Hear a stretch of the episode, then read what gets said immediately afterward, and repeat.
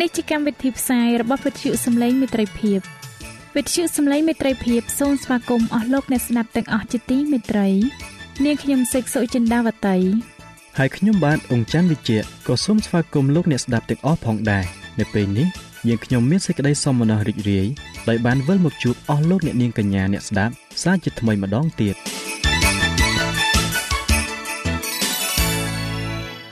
នាងខ្ញុំសេកសុចិន្តាវតី សូមជម្រាបជូនកម្មវិធីផ្សាយដែលមានជាបន្តបន្ទាប់ដូចតទៅនេតិបទទំនាយនិងប្រវត្តិសាស្ត្រនេតិស្ថាបនាកម្ពុជាឲ្យប្រសើរចា៎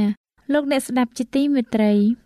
នាងខ្ញុំសូមគោរពអញ្ជើញអស់លោកលោកស្រី អ្នកនាងកញ្ញាតាមដានស្ដាប់កម្មវិធីផ្សាយរបស់វិទ្យុយើងខ្ញុំដូចតទៅ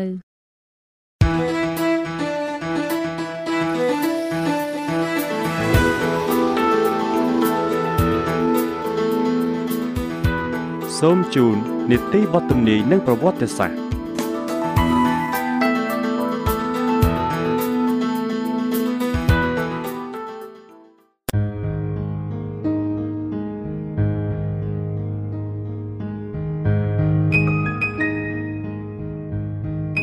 ចា៎នាងខ្ញុំសូមជម្រាបសួរ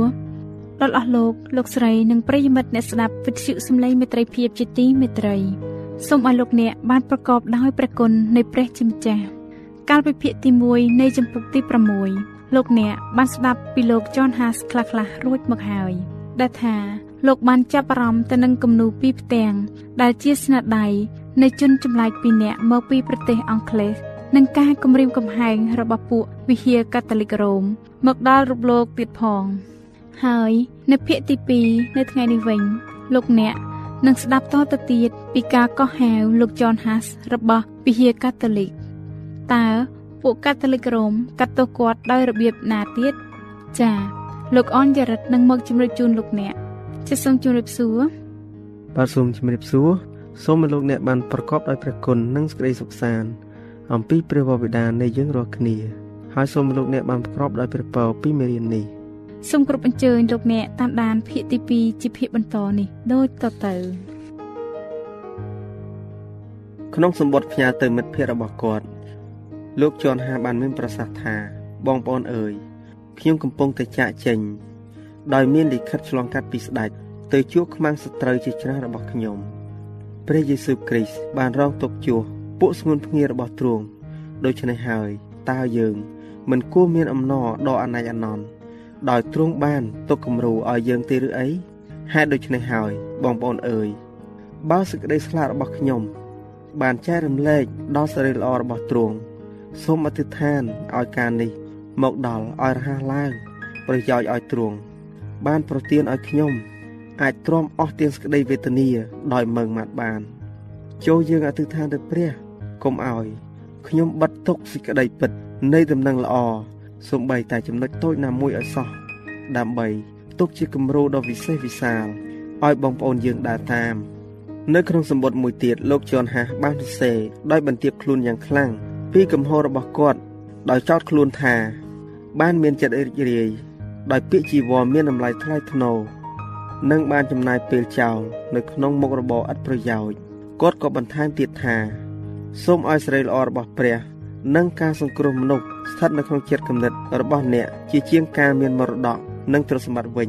ចូលប្រយ័ត្នកុំឲ្យតបតែងផ្ទះសម្បែងរបស់អ្នករាល់គ្នា ជាងប្រលឹងហើយលើសពីអ្វីអ្វីទៅទៀតនោះត្រូវថែរក្សារាងកាយខាងប្រលឹងវិញ្ញាណវិញជួយឲ្យមានជំនឿសុខហើយសុភាពរៀបសារជាមួយអ្នកក្រីក្រ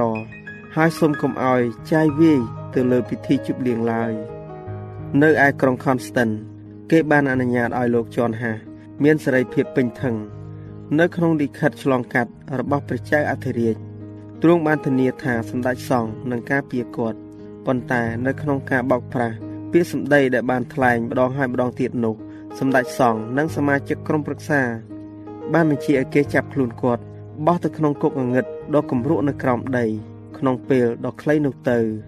ក្រោយមកគេបានផ្លាស់គាត់ទៅឯប្រាសាទដ៏មុំមួយ កាត់ស្ទឹងរាញ់ ហើយបានជាប់គុកនៅទីនោះមិនយូរប៉ុន្មាន គេក៏បានចាប់សម្ដេចសង្ឃដាក់នៅក្នុងគុកនោះដែរក្រុមប្រឹក្សាបានរកឃើញថាសម្ដេចសង្ឃមានកំហុសលើបទអក្រិតដ៏អាក្រក់បំផុតហហើយក្រៅពីអំពើឃាតកម្មមានការលក់ដូរសាសនវត្ថុយកចំណេញនិងអំពើសហាយស្មន់ពោលគឺបាបកម្មដែលមិនសមនឹងលើកយកមករាយរាប់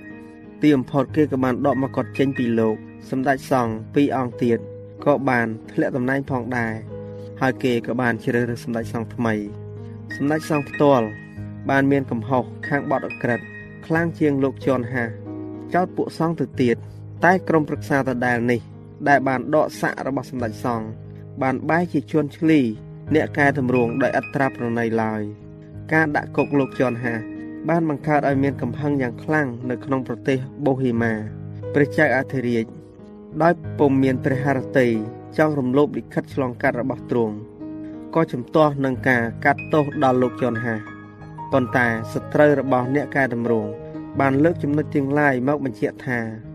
មិនគួរមានជំនឿជាមួយនឹងអ្នកកាន់លទ្ធិខុសឆ្គងឬជាមួយអ្នកណា ដែលត្រូវសង្ស័យថាកាន់លទ្ធិខុសឆ្គងនោះឡើយ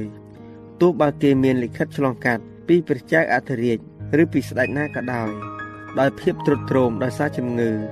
សំណើមនៃគុកងងឹតបានធ្វើឲ្យគាត់កើតគ្រុនក្តៅដែលស្ទើរតែដាច់ជីវិតគាត់ទីបំផុតគេក៏បានយកលោកជន់ហា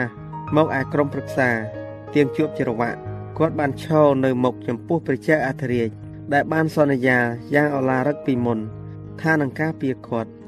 លោកបានរក្សាសេចក្តីពិតយ៉ាងម៉ឺងម៉ាត់និងបានបញ្ចេញសេចក្តីប្រឆាំងតវ៉ាយ៉ាងឱឡារិកទាស់នឹងអំពើពុករលួយ នៃពួកសង្ឃថ្នាក់ខ្ពស់នៅពេលដែលគេបានជ្រើសរើសថាតើនឹងដកគោលលទ្ធិរបស់គាត់ឬត្រូវស្លាប់នោះគាត់បានជ្រើសរើសយកសេចក្តីស្លាប់វិញព្រះគុណរបស់ព្រះបានត្រោទ្រង់គាត់ក្នុងរយៈកាលនៃការរងទុក្ខអស់រាប់អាទិត្យមុននឹងការកាត់ទោសចុងក្រោយបង្អស់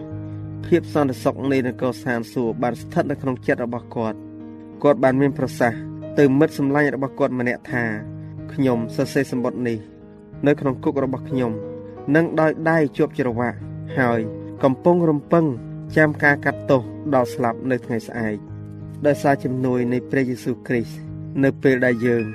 នឹងជួបគ្នាម្ដងទៀតនៅក្នុងសន្តិភាពដ៏ផ្អែមត្រជាក់នៃជីវិតនាអនាគតកាលអ្នកនឹងដឹងថា ព្រះមានសេចក្តីមេត្តាករុណាយ៉ាងខ្លាំងដល់ខ្ញុំនិងដឹងថាទ្រង់ជ្រោមជ្រែងខ្ញុំដោយប្រសិទ្ធភាព នៅក្នុងភ្នក់នៃសេចក្តីល្បងនិងសេចក្តីវេទនាយ៉ាងខ្លាំងទៅហើយ នៅក្នុងគុកងងឹតលោកជន់ហាបានស្រមៃឃើញជាជំនះនៃជំនឿពិតប្រាកដក្នុងសុបិនរបស់គាត់គាត់បានឃើញសម្ដេចសង្ឃនិងពួកសង្ឃកំពុងលុបចោលរូបភាពព្រះគ្រីស្ទដែលគាត់បានគូរនៅលើជញ្ជាំងព្រះវិហារនាទីក្រុងប្រែកសុបិនមិត្តនេះ បានធ្វើឲ្យលោកខ្វល់ខ្វាយចិត្តប៉ុន្តែស្អែកឡើងគាត់បានឃើញ អ្នកវិចិត្រករជាច្រើន កំពុងតែរវល់កែលម្អរូបទាំងនេះ បានចំនួនកាន់តែច្រើនឡើងថែមទៀតហើយថែមទាំងមានពណ៌ចាំងជ្រះជាងមុនទៅទៀតពួកអ្នកគំនូដែលហុំព័ទ្ធដោយមនុស្សដ៏សន្ធឹកសន្ធាប់ក៏បានឧទានឡើងថាឥឡូវនេះចូលឲ្យសម្ដេចសង្ឃនិងពួកសង្ឃមកចុះគេនឹងមិនអាចលុបវាចោលបានទៀតឡើយអ្នកកែតម្រង់បានមានប្រសាសន៍ថារូបភាពរបស់ព្រះគ្រីស្ទនឹងមិនត្រូវបានលុបចោលឡើយ គេបានពងចង់បំផ្លាញចោលតែនឹងត្រូវបានគូសាជាថ្មី នៅក្នុងចិត្តមនុស្សទាំងអស់ដោយអ្នកផ្សាយដំណឹងដែលពូកែជាងខ្ញុំវិញ ជាលើកចុងក្រោយបង្អស់គេបានយកលោកចនហាមកឯក្រុមប្រឹក្សា ជាការប្រជុំដ៏មហាអឡារឹកមួយ មានព្រះចៅអធិរាជពួកព្រះអម្ចាស់នៃចក្រភព ពួករាជតំណាង សមាជិកក្រុមប្រឹក្សាពួកសង្ឃនិងមនុស្សដ៏សន្ធឹកសន្ធាប់ នៅពេលដែលគេសុំឲ្យគាត់ សម្រេចចិត្តចុងក្រោយបង្អស់លោកជូនហាបានថ្លែងនៅការបដិសេធមិនព្រមសារភាពថាខ្លួនខុសដោយផ្ដោតចក្ខុទៅលើមហាក្សត្រដែលបានប្រែពាក្យសម្ដីដោយគ្មានអ៊ីនខ្មាស់គាត់ក៏បានថ្លែងថាខ្ញុំបានតាំងចិត្តដោយចំណងរបស់ខ្ញុំថានឹងមានវត្តមាននៅក្នុងក្រុមប្រឹក្សានេះក្រោមសេចក្តីការពារពីសាធារណជននិងការជឿទុកចិត្តដល់ព្រះចៅអធិរាជដែលមានវត្តមាននៅទីនេះ ព្រះភ័ក្ត្ររបស់ព្រះអធិរាជស៊ីជីម៉ាន់ឡើងពណ៌ក្រហម នៅពេលដែលគ្រប់ភ្នែកបានក្រឡេកមកកាន់ទ្រង់ការកាត់ទោសក៏បានប្រកាសហើយពិធីនៃសក្តីអបយុះបានចាប់ផ្ដើមឡើង នៅពេលដែលគេជំរុញឲ្យគាត់ដកពាក្យរបស់គាត់ម្ដងទៀតលោកជន់ហាសបានតបវិញ ដោយងាកទៅឯប្រជាជនថាតើឲ្យខ្ញុំមើលទៅនគរស្ថានសួគ៌ដោយមុខរបៀបណាតើឲ្យខ្ញុំ មើលទៅបណ្ណាជនទាំងឡាយដែលខ្ញុំបានផ្សាយដំណឹងល្អដល់បរិសុទ្ធដល់គេយ៉ាងដូចម្ដេចទៅទេខ្ញុំឲ្យតម្លៃលើសេចក្តីសង្គ្រោះរបស់ខ្ញុំខ្ញុំឲ្យតម្លៃលើសេចក្តីសង្គ្រោះរបស់គេ លើសជាងរូបកាយទុរគតនេះ ដែលឥឡូវមានវាសនាត្រូវស្លាប់ គេបានដោះជីវរចេញម្ដង ម្ដងមួយម្ដងមួយ ហើយសងជួនខ្ពស់ម្នាក់បានដាក់មនសា នៅពេលគេប្រពៃពិធីរបស់គេ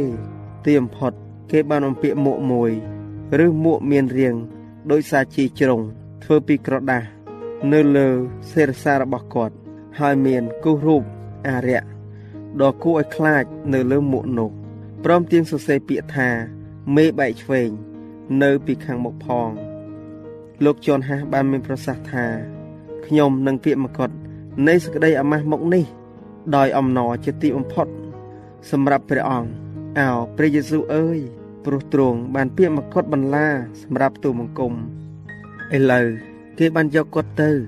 ពួកមនុស្សមួយជួរបានតាមពីក្រោយ នៅពេលដែលឃើញអ្វីអ្វីថារៀបចំរួចស្រេចបាច់និងបញ្ឆេះភ្លើងហើយ គេបានសួរលោកម្ដងទៀតឲ្យលះបង់កំហុសរបស់ខ្លួន ដើម្បីសង្គ្រោះខ្លួនឯងលោកជន់ហាបានមានប្រសាសន៍ថាតើមានកំហុសអ្វី ដែលខ្ញុំនឹងត្រូវលះបង់នោះ ខ្ញុំដឹងថាខ្ញុំគ្មានកំហុសអ្វីទាល់តែសោះខ្ញុំទូលសូមព្រះ មកធ្វើជាសាក្សីថា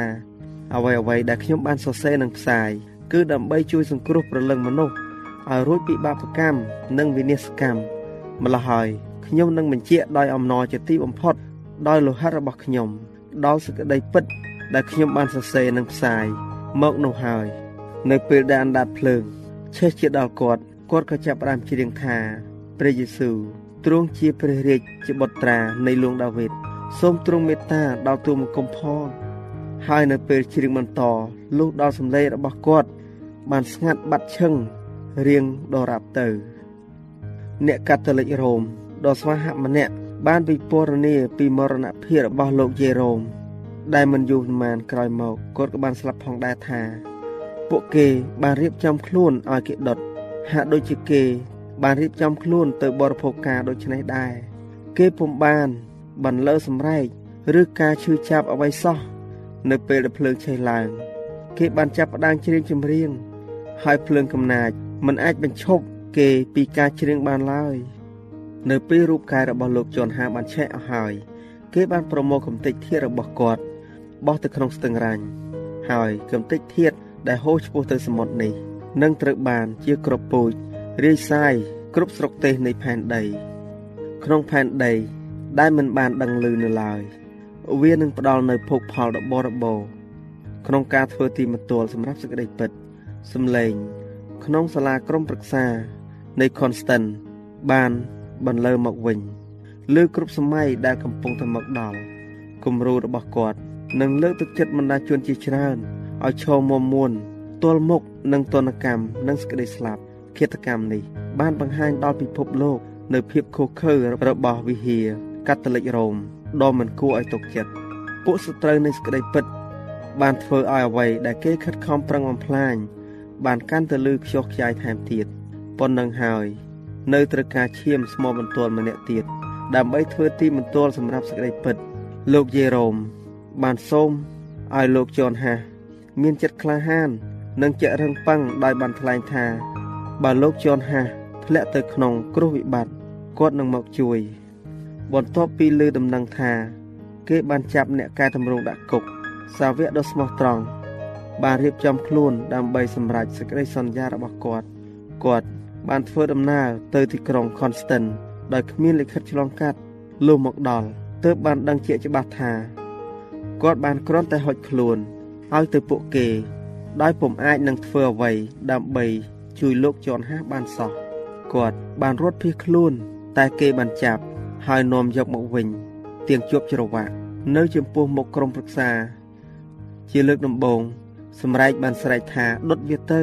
ដុតវាទៅ បានបន្លឺឡើង នៅពេលដែលគាត់ខំឆ្លើយតបគេបានបោះបង់គាត់ទៅក្នុងគុកងងឹតក្រោមដី ហើយឲ្យបរិភោគតែនំប៉័ងនិងទឹកប៉ុណ្ណោះសេចក្តីខុសខើនៃការដាក់គាត់ទៅក្នុងពន្ធនាគារនេះ បាននាំមកនូវជំងឺ ហើយធ្វើឲ្យគាត់ស្ទើរតែបាត់បង់ជីវិតឯសត្រូវរបស់គាត់វិញ ដោយខ្លាចគាត់ស្លាប់ក៏បន្ធូរភាពតឹងរឹងបន្តិច ហើយគាត់ត្រូវជាប់នៅក្នុងគុកនេះអស់មួយឆ្នាំចា៎ដោយពេលវេលាមានកំណត់យើងខ្ញុំសូមអនុទីបទទំនាយនិងប្រវត្តិសាស្ត្រត្រឹមតែប៉ុណ្ណឹងសិនចុះដោយសន្យាថានឹងលើកយកនីតិនេះ មកជម្រាបជូនជាបន្តទៀតនៅថ្ងៃអង្គារសប្តាហ៍ក្រោយ សូមអរគុណ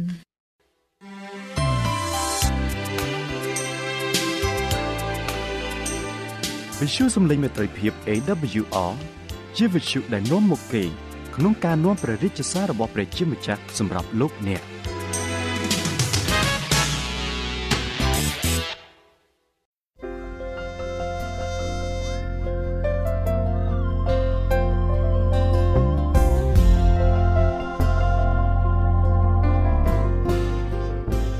រាបសួរអស់លោកលោកស្រីអ្នកនាងកញ្ញាអ្នកស្ដាប់វិទ្យុសំឡេងមេត្រីភាពជាទីមេត្រី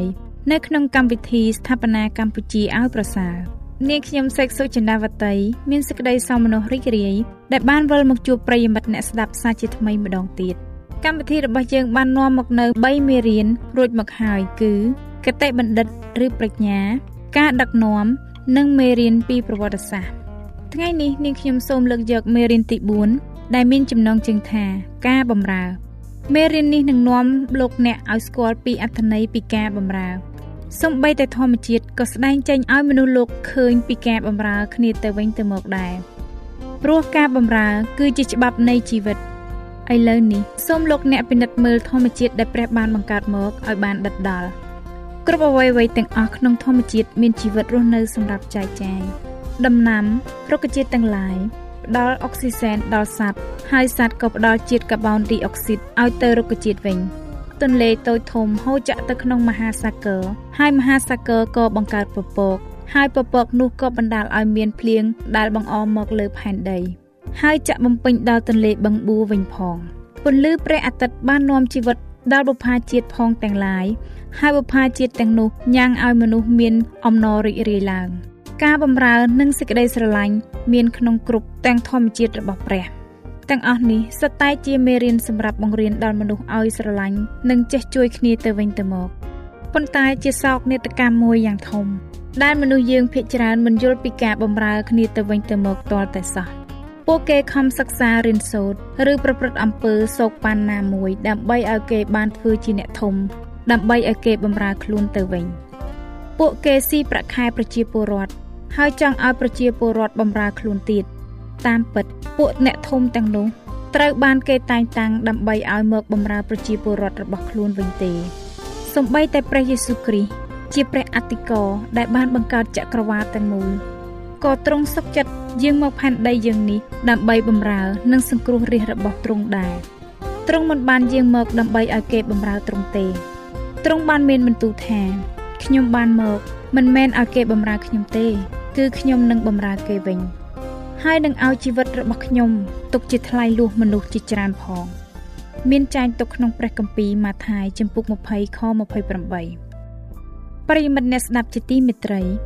ប៉ុន្តែមានតែមនុស្សដែលមានចិត្តអាត្មានិយមទេ ដែលរស់នៅសម្រាប់តែខ្លួនឯងនោះ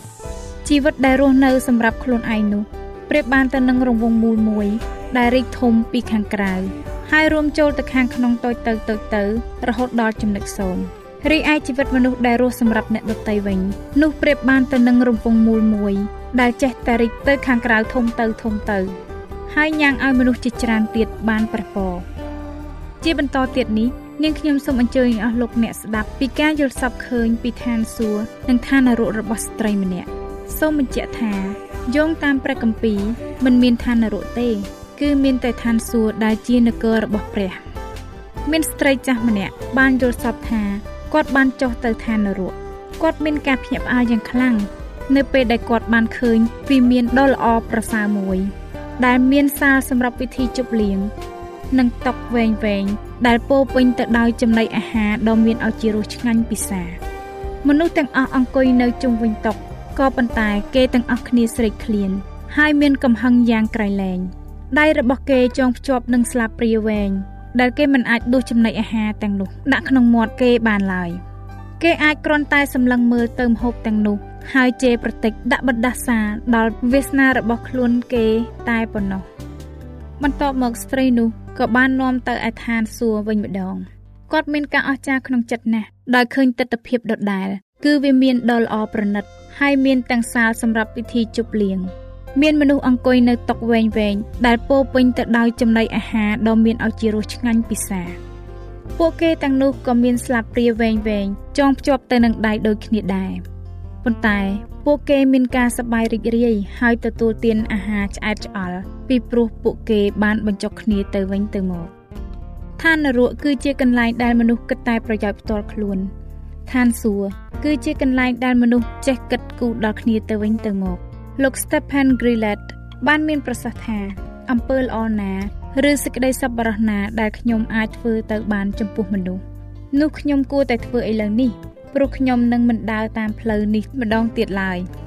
ប្រិយមិត្តអ្នកស្ដាប់ជាទីមេត្រីសូមស្ដាប់ពីរឿងរបស់ស្ត្រីទី2នេះវិញម្ដង មានស្ត្រីម្នាក់មានការយំសោកជាខ្លាំងនៅពេលដែលម្ដាយបានស្លាប់ទៅនាងបាននឹកស្ដាយដោយគិតថា នាងបានហ្វេសប្រហែសក្នុងការថែរក្សាគាត់ ក្នុងកាលដែលគាត់មានវ័យចាស់ជរាទៅហើយឥឡូវនេះម្ដាយរបស់នាងបានទទួលអនិច្ចកម្មទៅ ហើយនាងពុំមានវិធីណាដែលនឹងសម្ដែងនៅសេចក្តីស្រឡាញ់ទៅគាត់វិញបានសោះ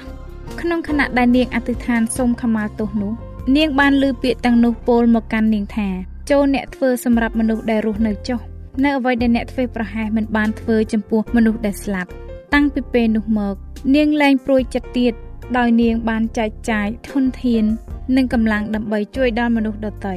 រីឯភាសាសំស្ក្រឹតបានសម្ដែងថាម្សិលមិញគឺជាការយល់សប្តិហើយថ្ងៃស្អែកគឺគ្រាន់តែជាការស្រមៃប៉ុន្តែប្រសិនបើយើងធ្វើការល្អនៅថ្ងៃនេះនោះរាល់ថ្ងៃម្សិលនឹងคล้ายទៅជាសុបិននៃសុភមង្គលហើយរាល់ថ្ងៃស្អែកនឹងคล้ายទៅជាចក្ខុវិស័យនៃក្តីសង្ឃឹមដូច្នេះចូលប្រុងប្រយ័ត្នក្នុងការអនុវត្តអ្វីៗនៅក្នុងថ្ងៃនេះចុះ យើងមិនអាចផ្លាស់នៅអតីតកាលបានឡើយព្រោះវាកន្លងផុតទៅហើយ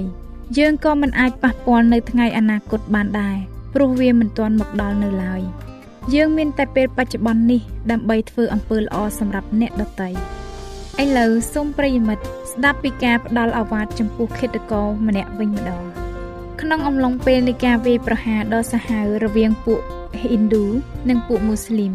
នៅពេលដែលប្រទេសឥណ្ឌាពុះចែកនៅឆ្នាំ1947លោកមហាថ្មាតហ្គាន់ឌីបានសូមអំពាវនាវដល់ប្រជាពលរដ្ឋឥណ្ឌាមិនឲ្យមានការកាប់សម្លាប់គ្នាឡើយប៉ុន្តែឲ្យគេប្រើវិធីអហិង្សាដើម្បីដោះស្រាយចំនួនទាំងឡាយវិញ ថ្ងៃមួយមានពួកហិណ្ឌូម្នាក់ចូលមកឯលោកដោយយំថា លោកឪពុកអើយកូនបានសម្លាប់មូស្លីមម្នាក់ ដែលជាអ្នកគ្រប់គ្រងលើគ្រួសារមួយ ហើយឥឡូវគេស្លាប់ហើយកូនមិនអាចធ្វើឲ្យគេរស់ឡើងវិញបានឡើយតើឲ្យកូនធ្វើយ៉ាងណាទៅលោកហ្គាន់ឌីមានប្រសាសន៍ថាចូលទៅរកកូនកំព្រាមូស្លីមអ្នកនោះហើយយកវាមកក្នុងគ្រួសារអ្នកធ្វើជាកូនចិញ្ចឹមរបស់អ្នកដោយទុកឲ្យវារស់ឡើងក្នុងភាពជាមូស្លីមបើអ្នកមិនអាចចំអែតមនុស្សរាប់រយនាក់បានចូលចាប់ផ្ដើមពីម្នាក់ទៅ អស់លោកលោកស្រី អ្នកនាងកញ្ញាអ្នកស្ដាប់វិទ្យុសំឡេងមេត្រីភាពជាទីមេត្រីដោយសារពេលវេលាមានកំណត់ នាងខ្ញុំសូមជម្រាបលាអស់លោកអ្នកស្ដាប់ត្រឹមតែប៉ុណ្ណេះសិនចុះដោយសន្យាថានឹងវិលមកជួបអស់លោកអ្នកម្ដងទៀតនៅពេលក្រោយសូមឲ្យលោកអ្នកបានប្រកបដោយព្រះគុណរបស់ព្រះយេស៊ូវគ្រីស្ទជាព្រះអង្គម្ចាស់នៃយើងរាល់គ្នាអាមែន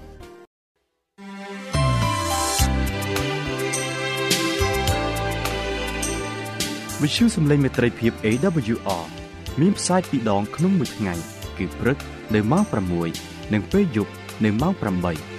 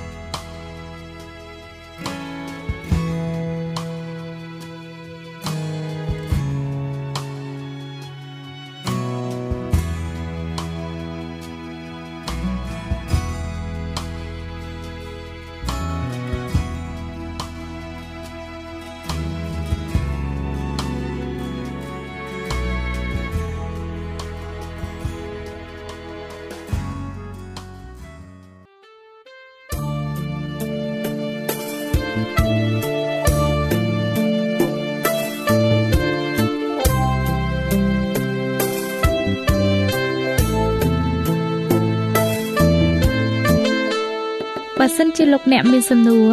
ឬសំណុំពរអ្វីសូមតាក់ទងមកការិយាល័យវិទ្យុយើងខ្ញុំ តាមអាស័យដ្ឋានផ្ទះលេខ15ផ្លូវលេខ568សង្កាត់បឹងកក់2ខណ្ឌទួលគោករាជធានីភ្នំពេញលោកអ្នកក៏អាចសរសេរសម្បត្តិផ្ញើមកយើងខ្ញុំ តាមរយៈប្រអប់សម្បត្តិលេខ488ភ្នំពេញឬតាមទូរស័ព្ទលេខ012 34 96 64ឬ097 80 81 060ឬក៏តាមរយៈអ៊ីមែល vol@awr.org យើងខ្ញុំរងចាំទទួលស្វាគមន៍អស់លោកអ្នកនាងដោយក្តីសោមនស្សរីករាយហើយលោកអ្នកក៏អាចស្ដាប់កម្មវិធីនេះឡើងវិញដោយចូលទៅកាន់ website របស់វិទ្យុយើងខ្ញុំ តាមរយៈអាស័យដ្ឋាន www.awr.org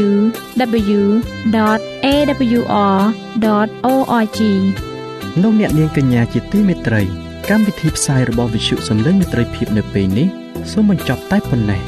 យើងខ្ញុំសូមអរគុណចំពោះការតាមដានស្ដាប់របស់អស់លោកអ្នកតាំងពីដើមរហូតដល់ចប់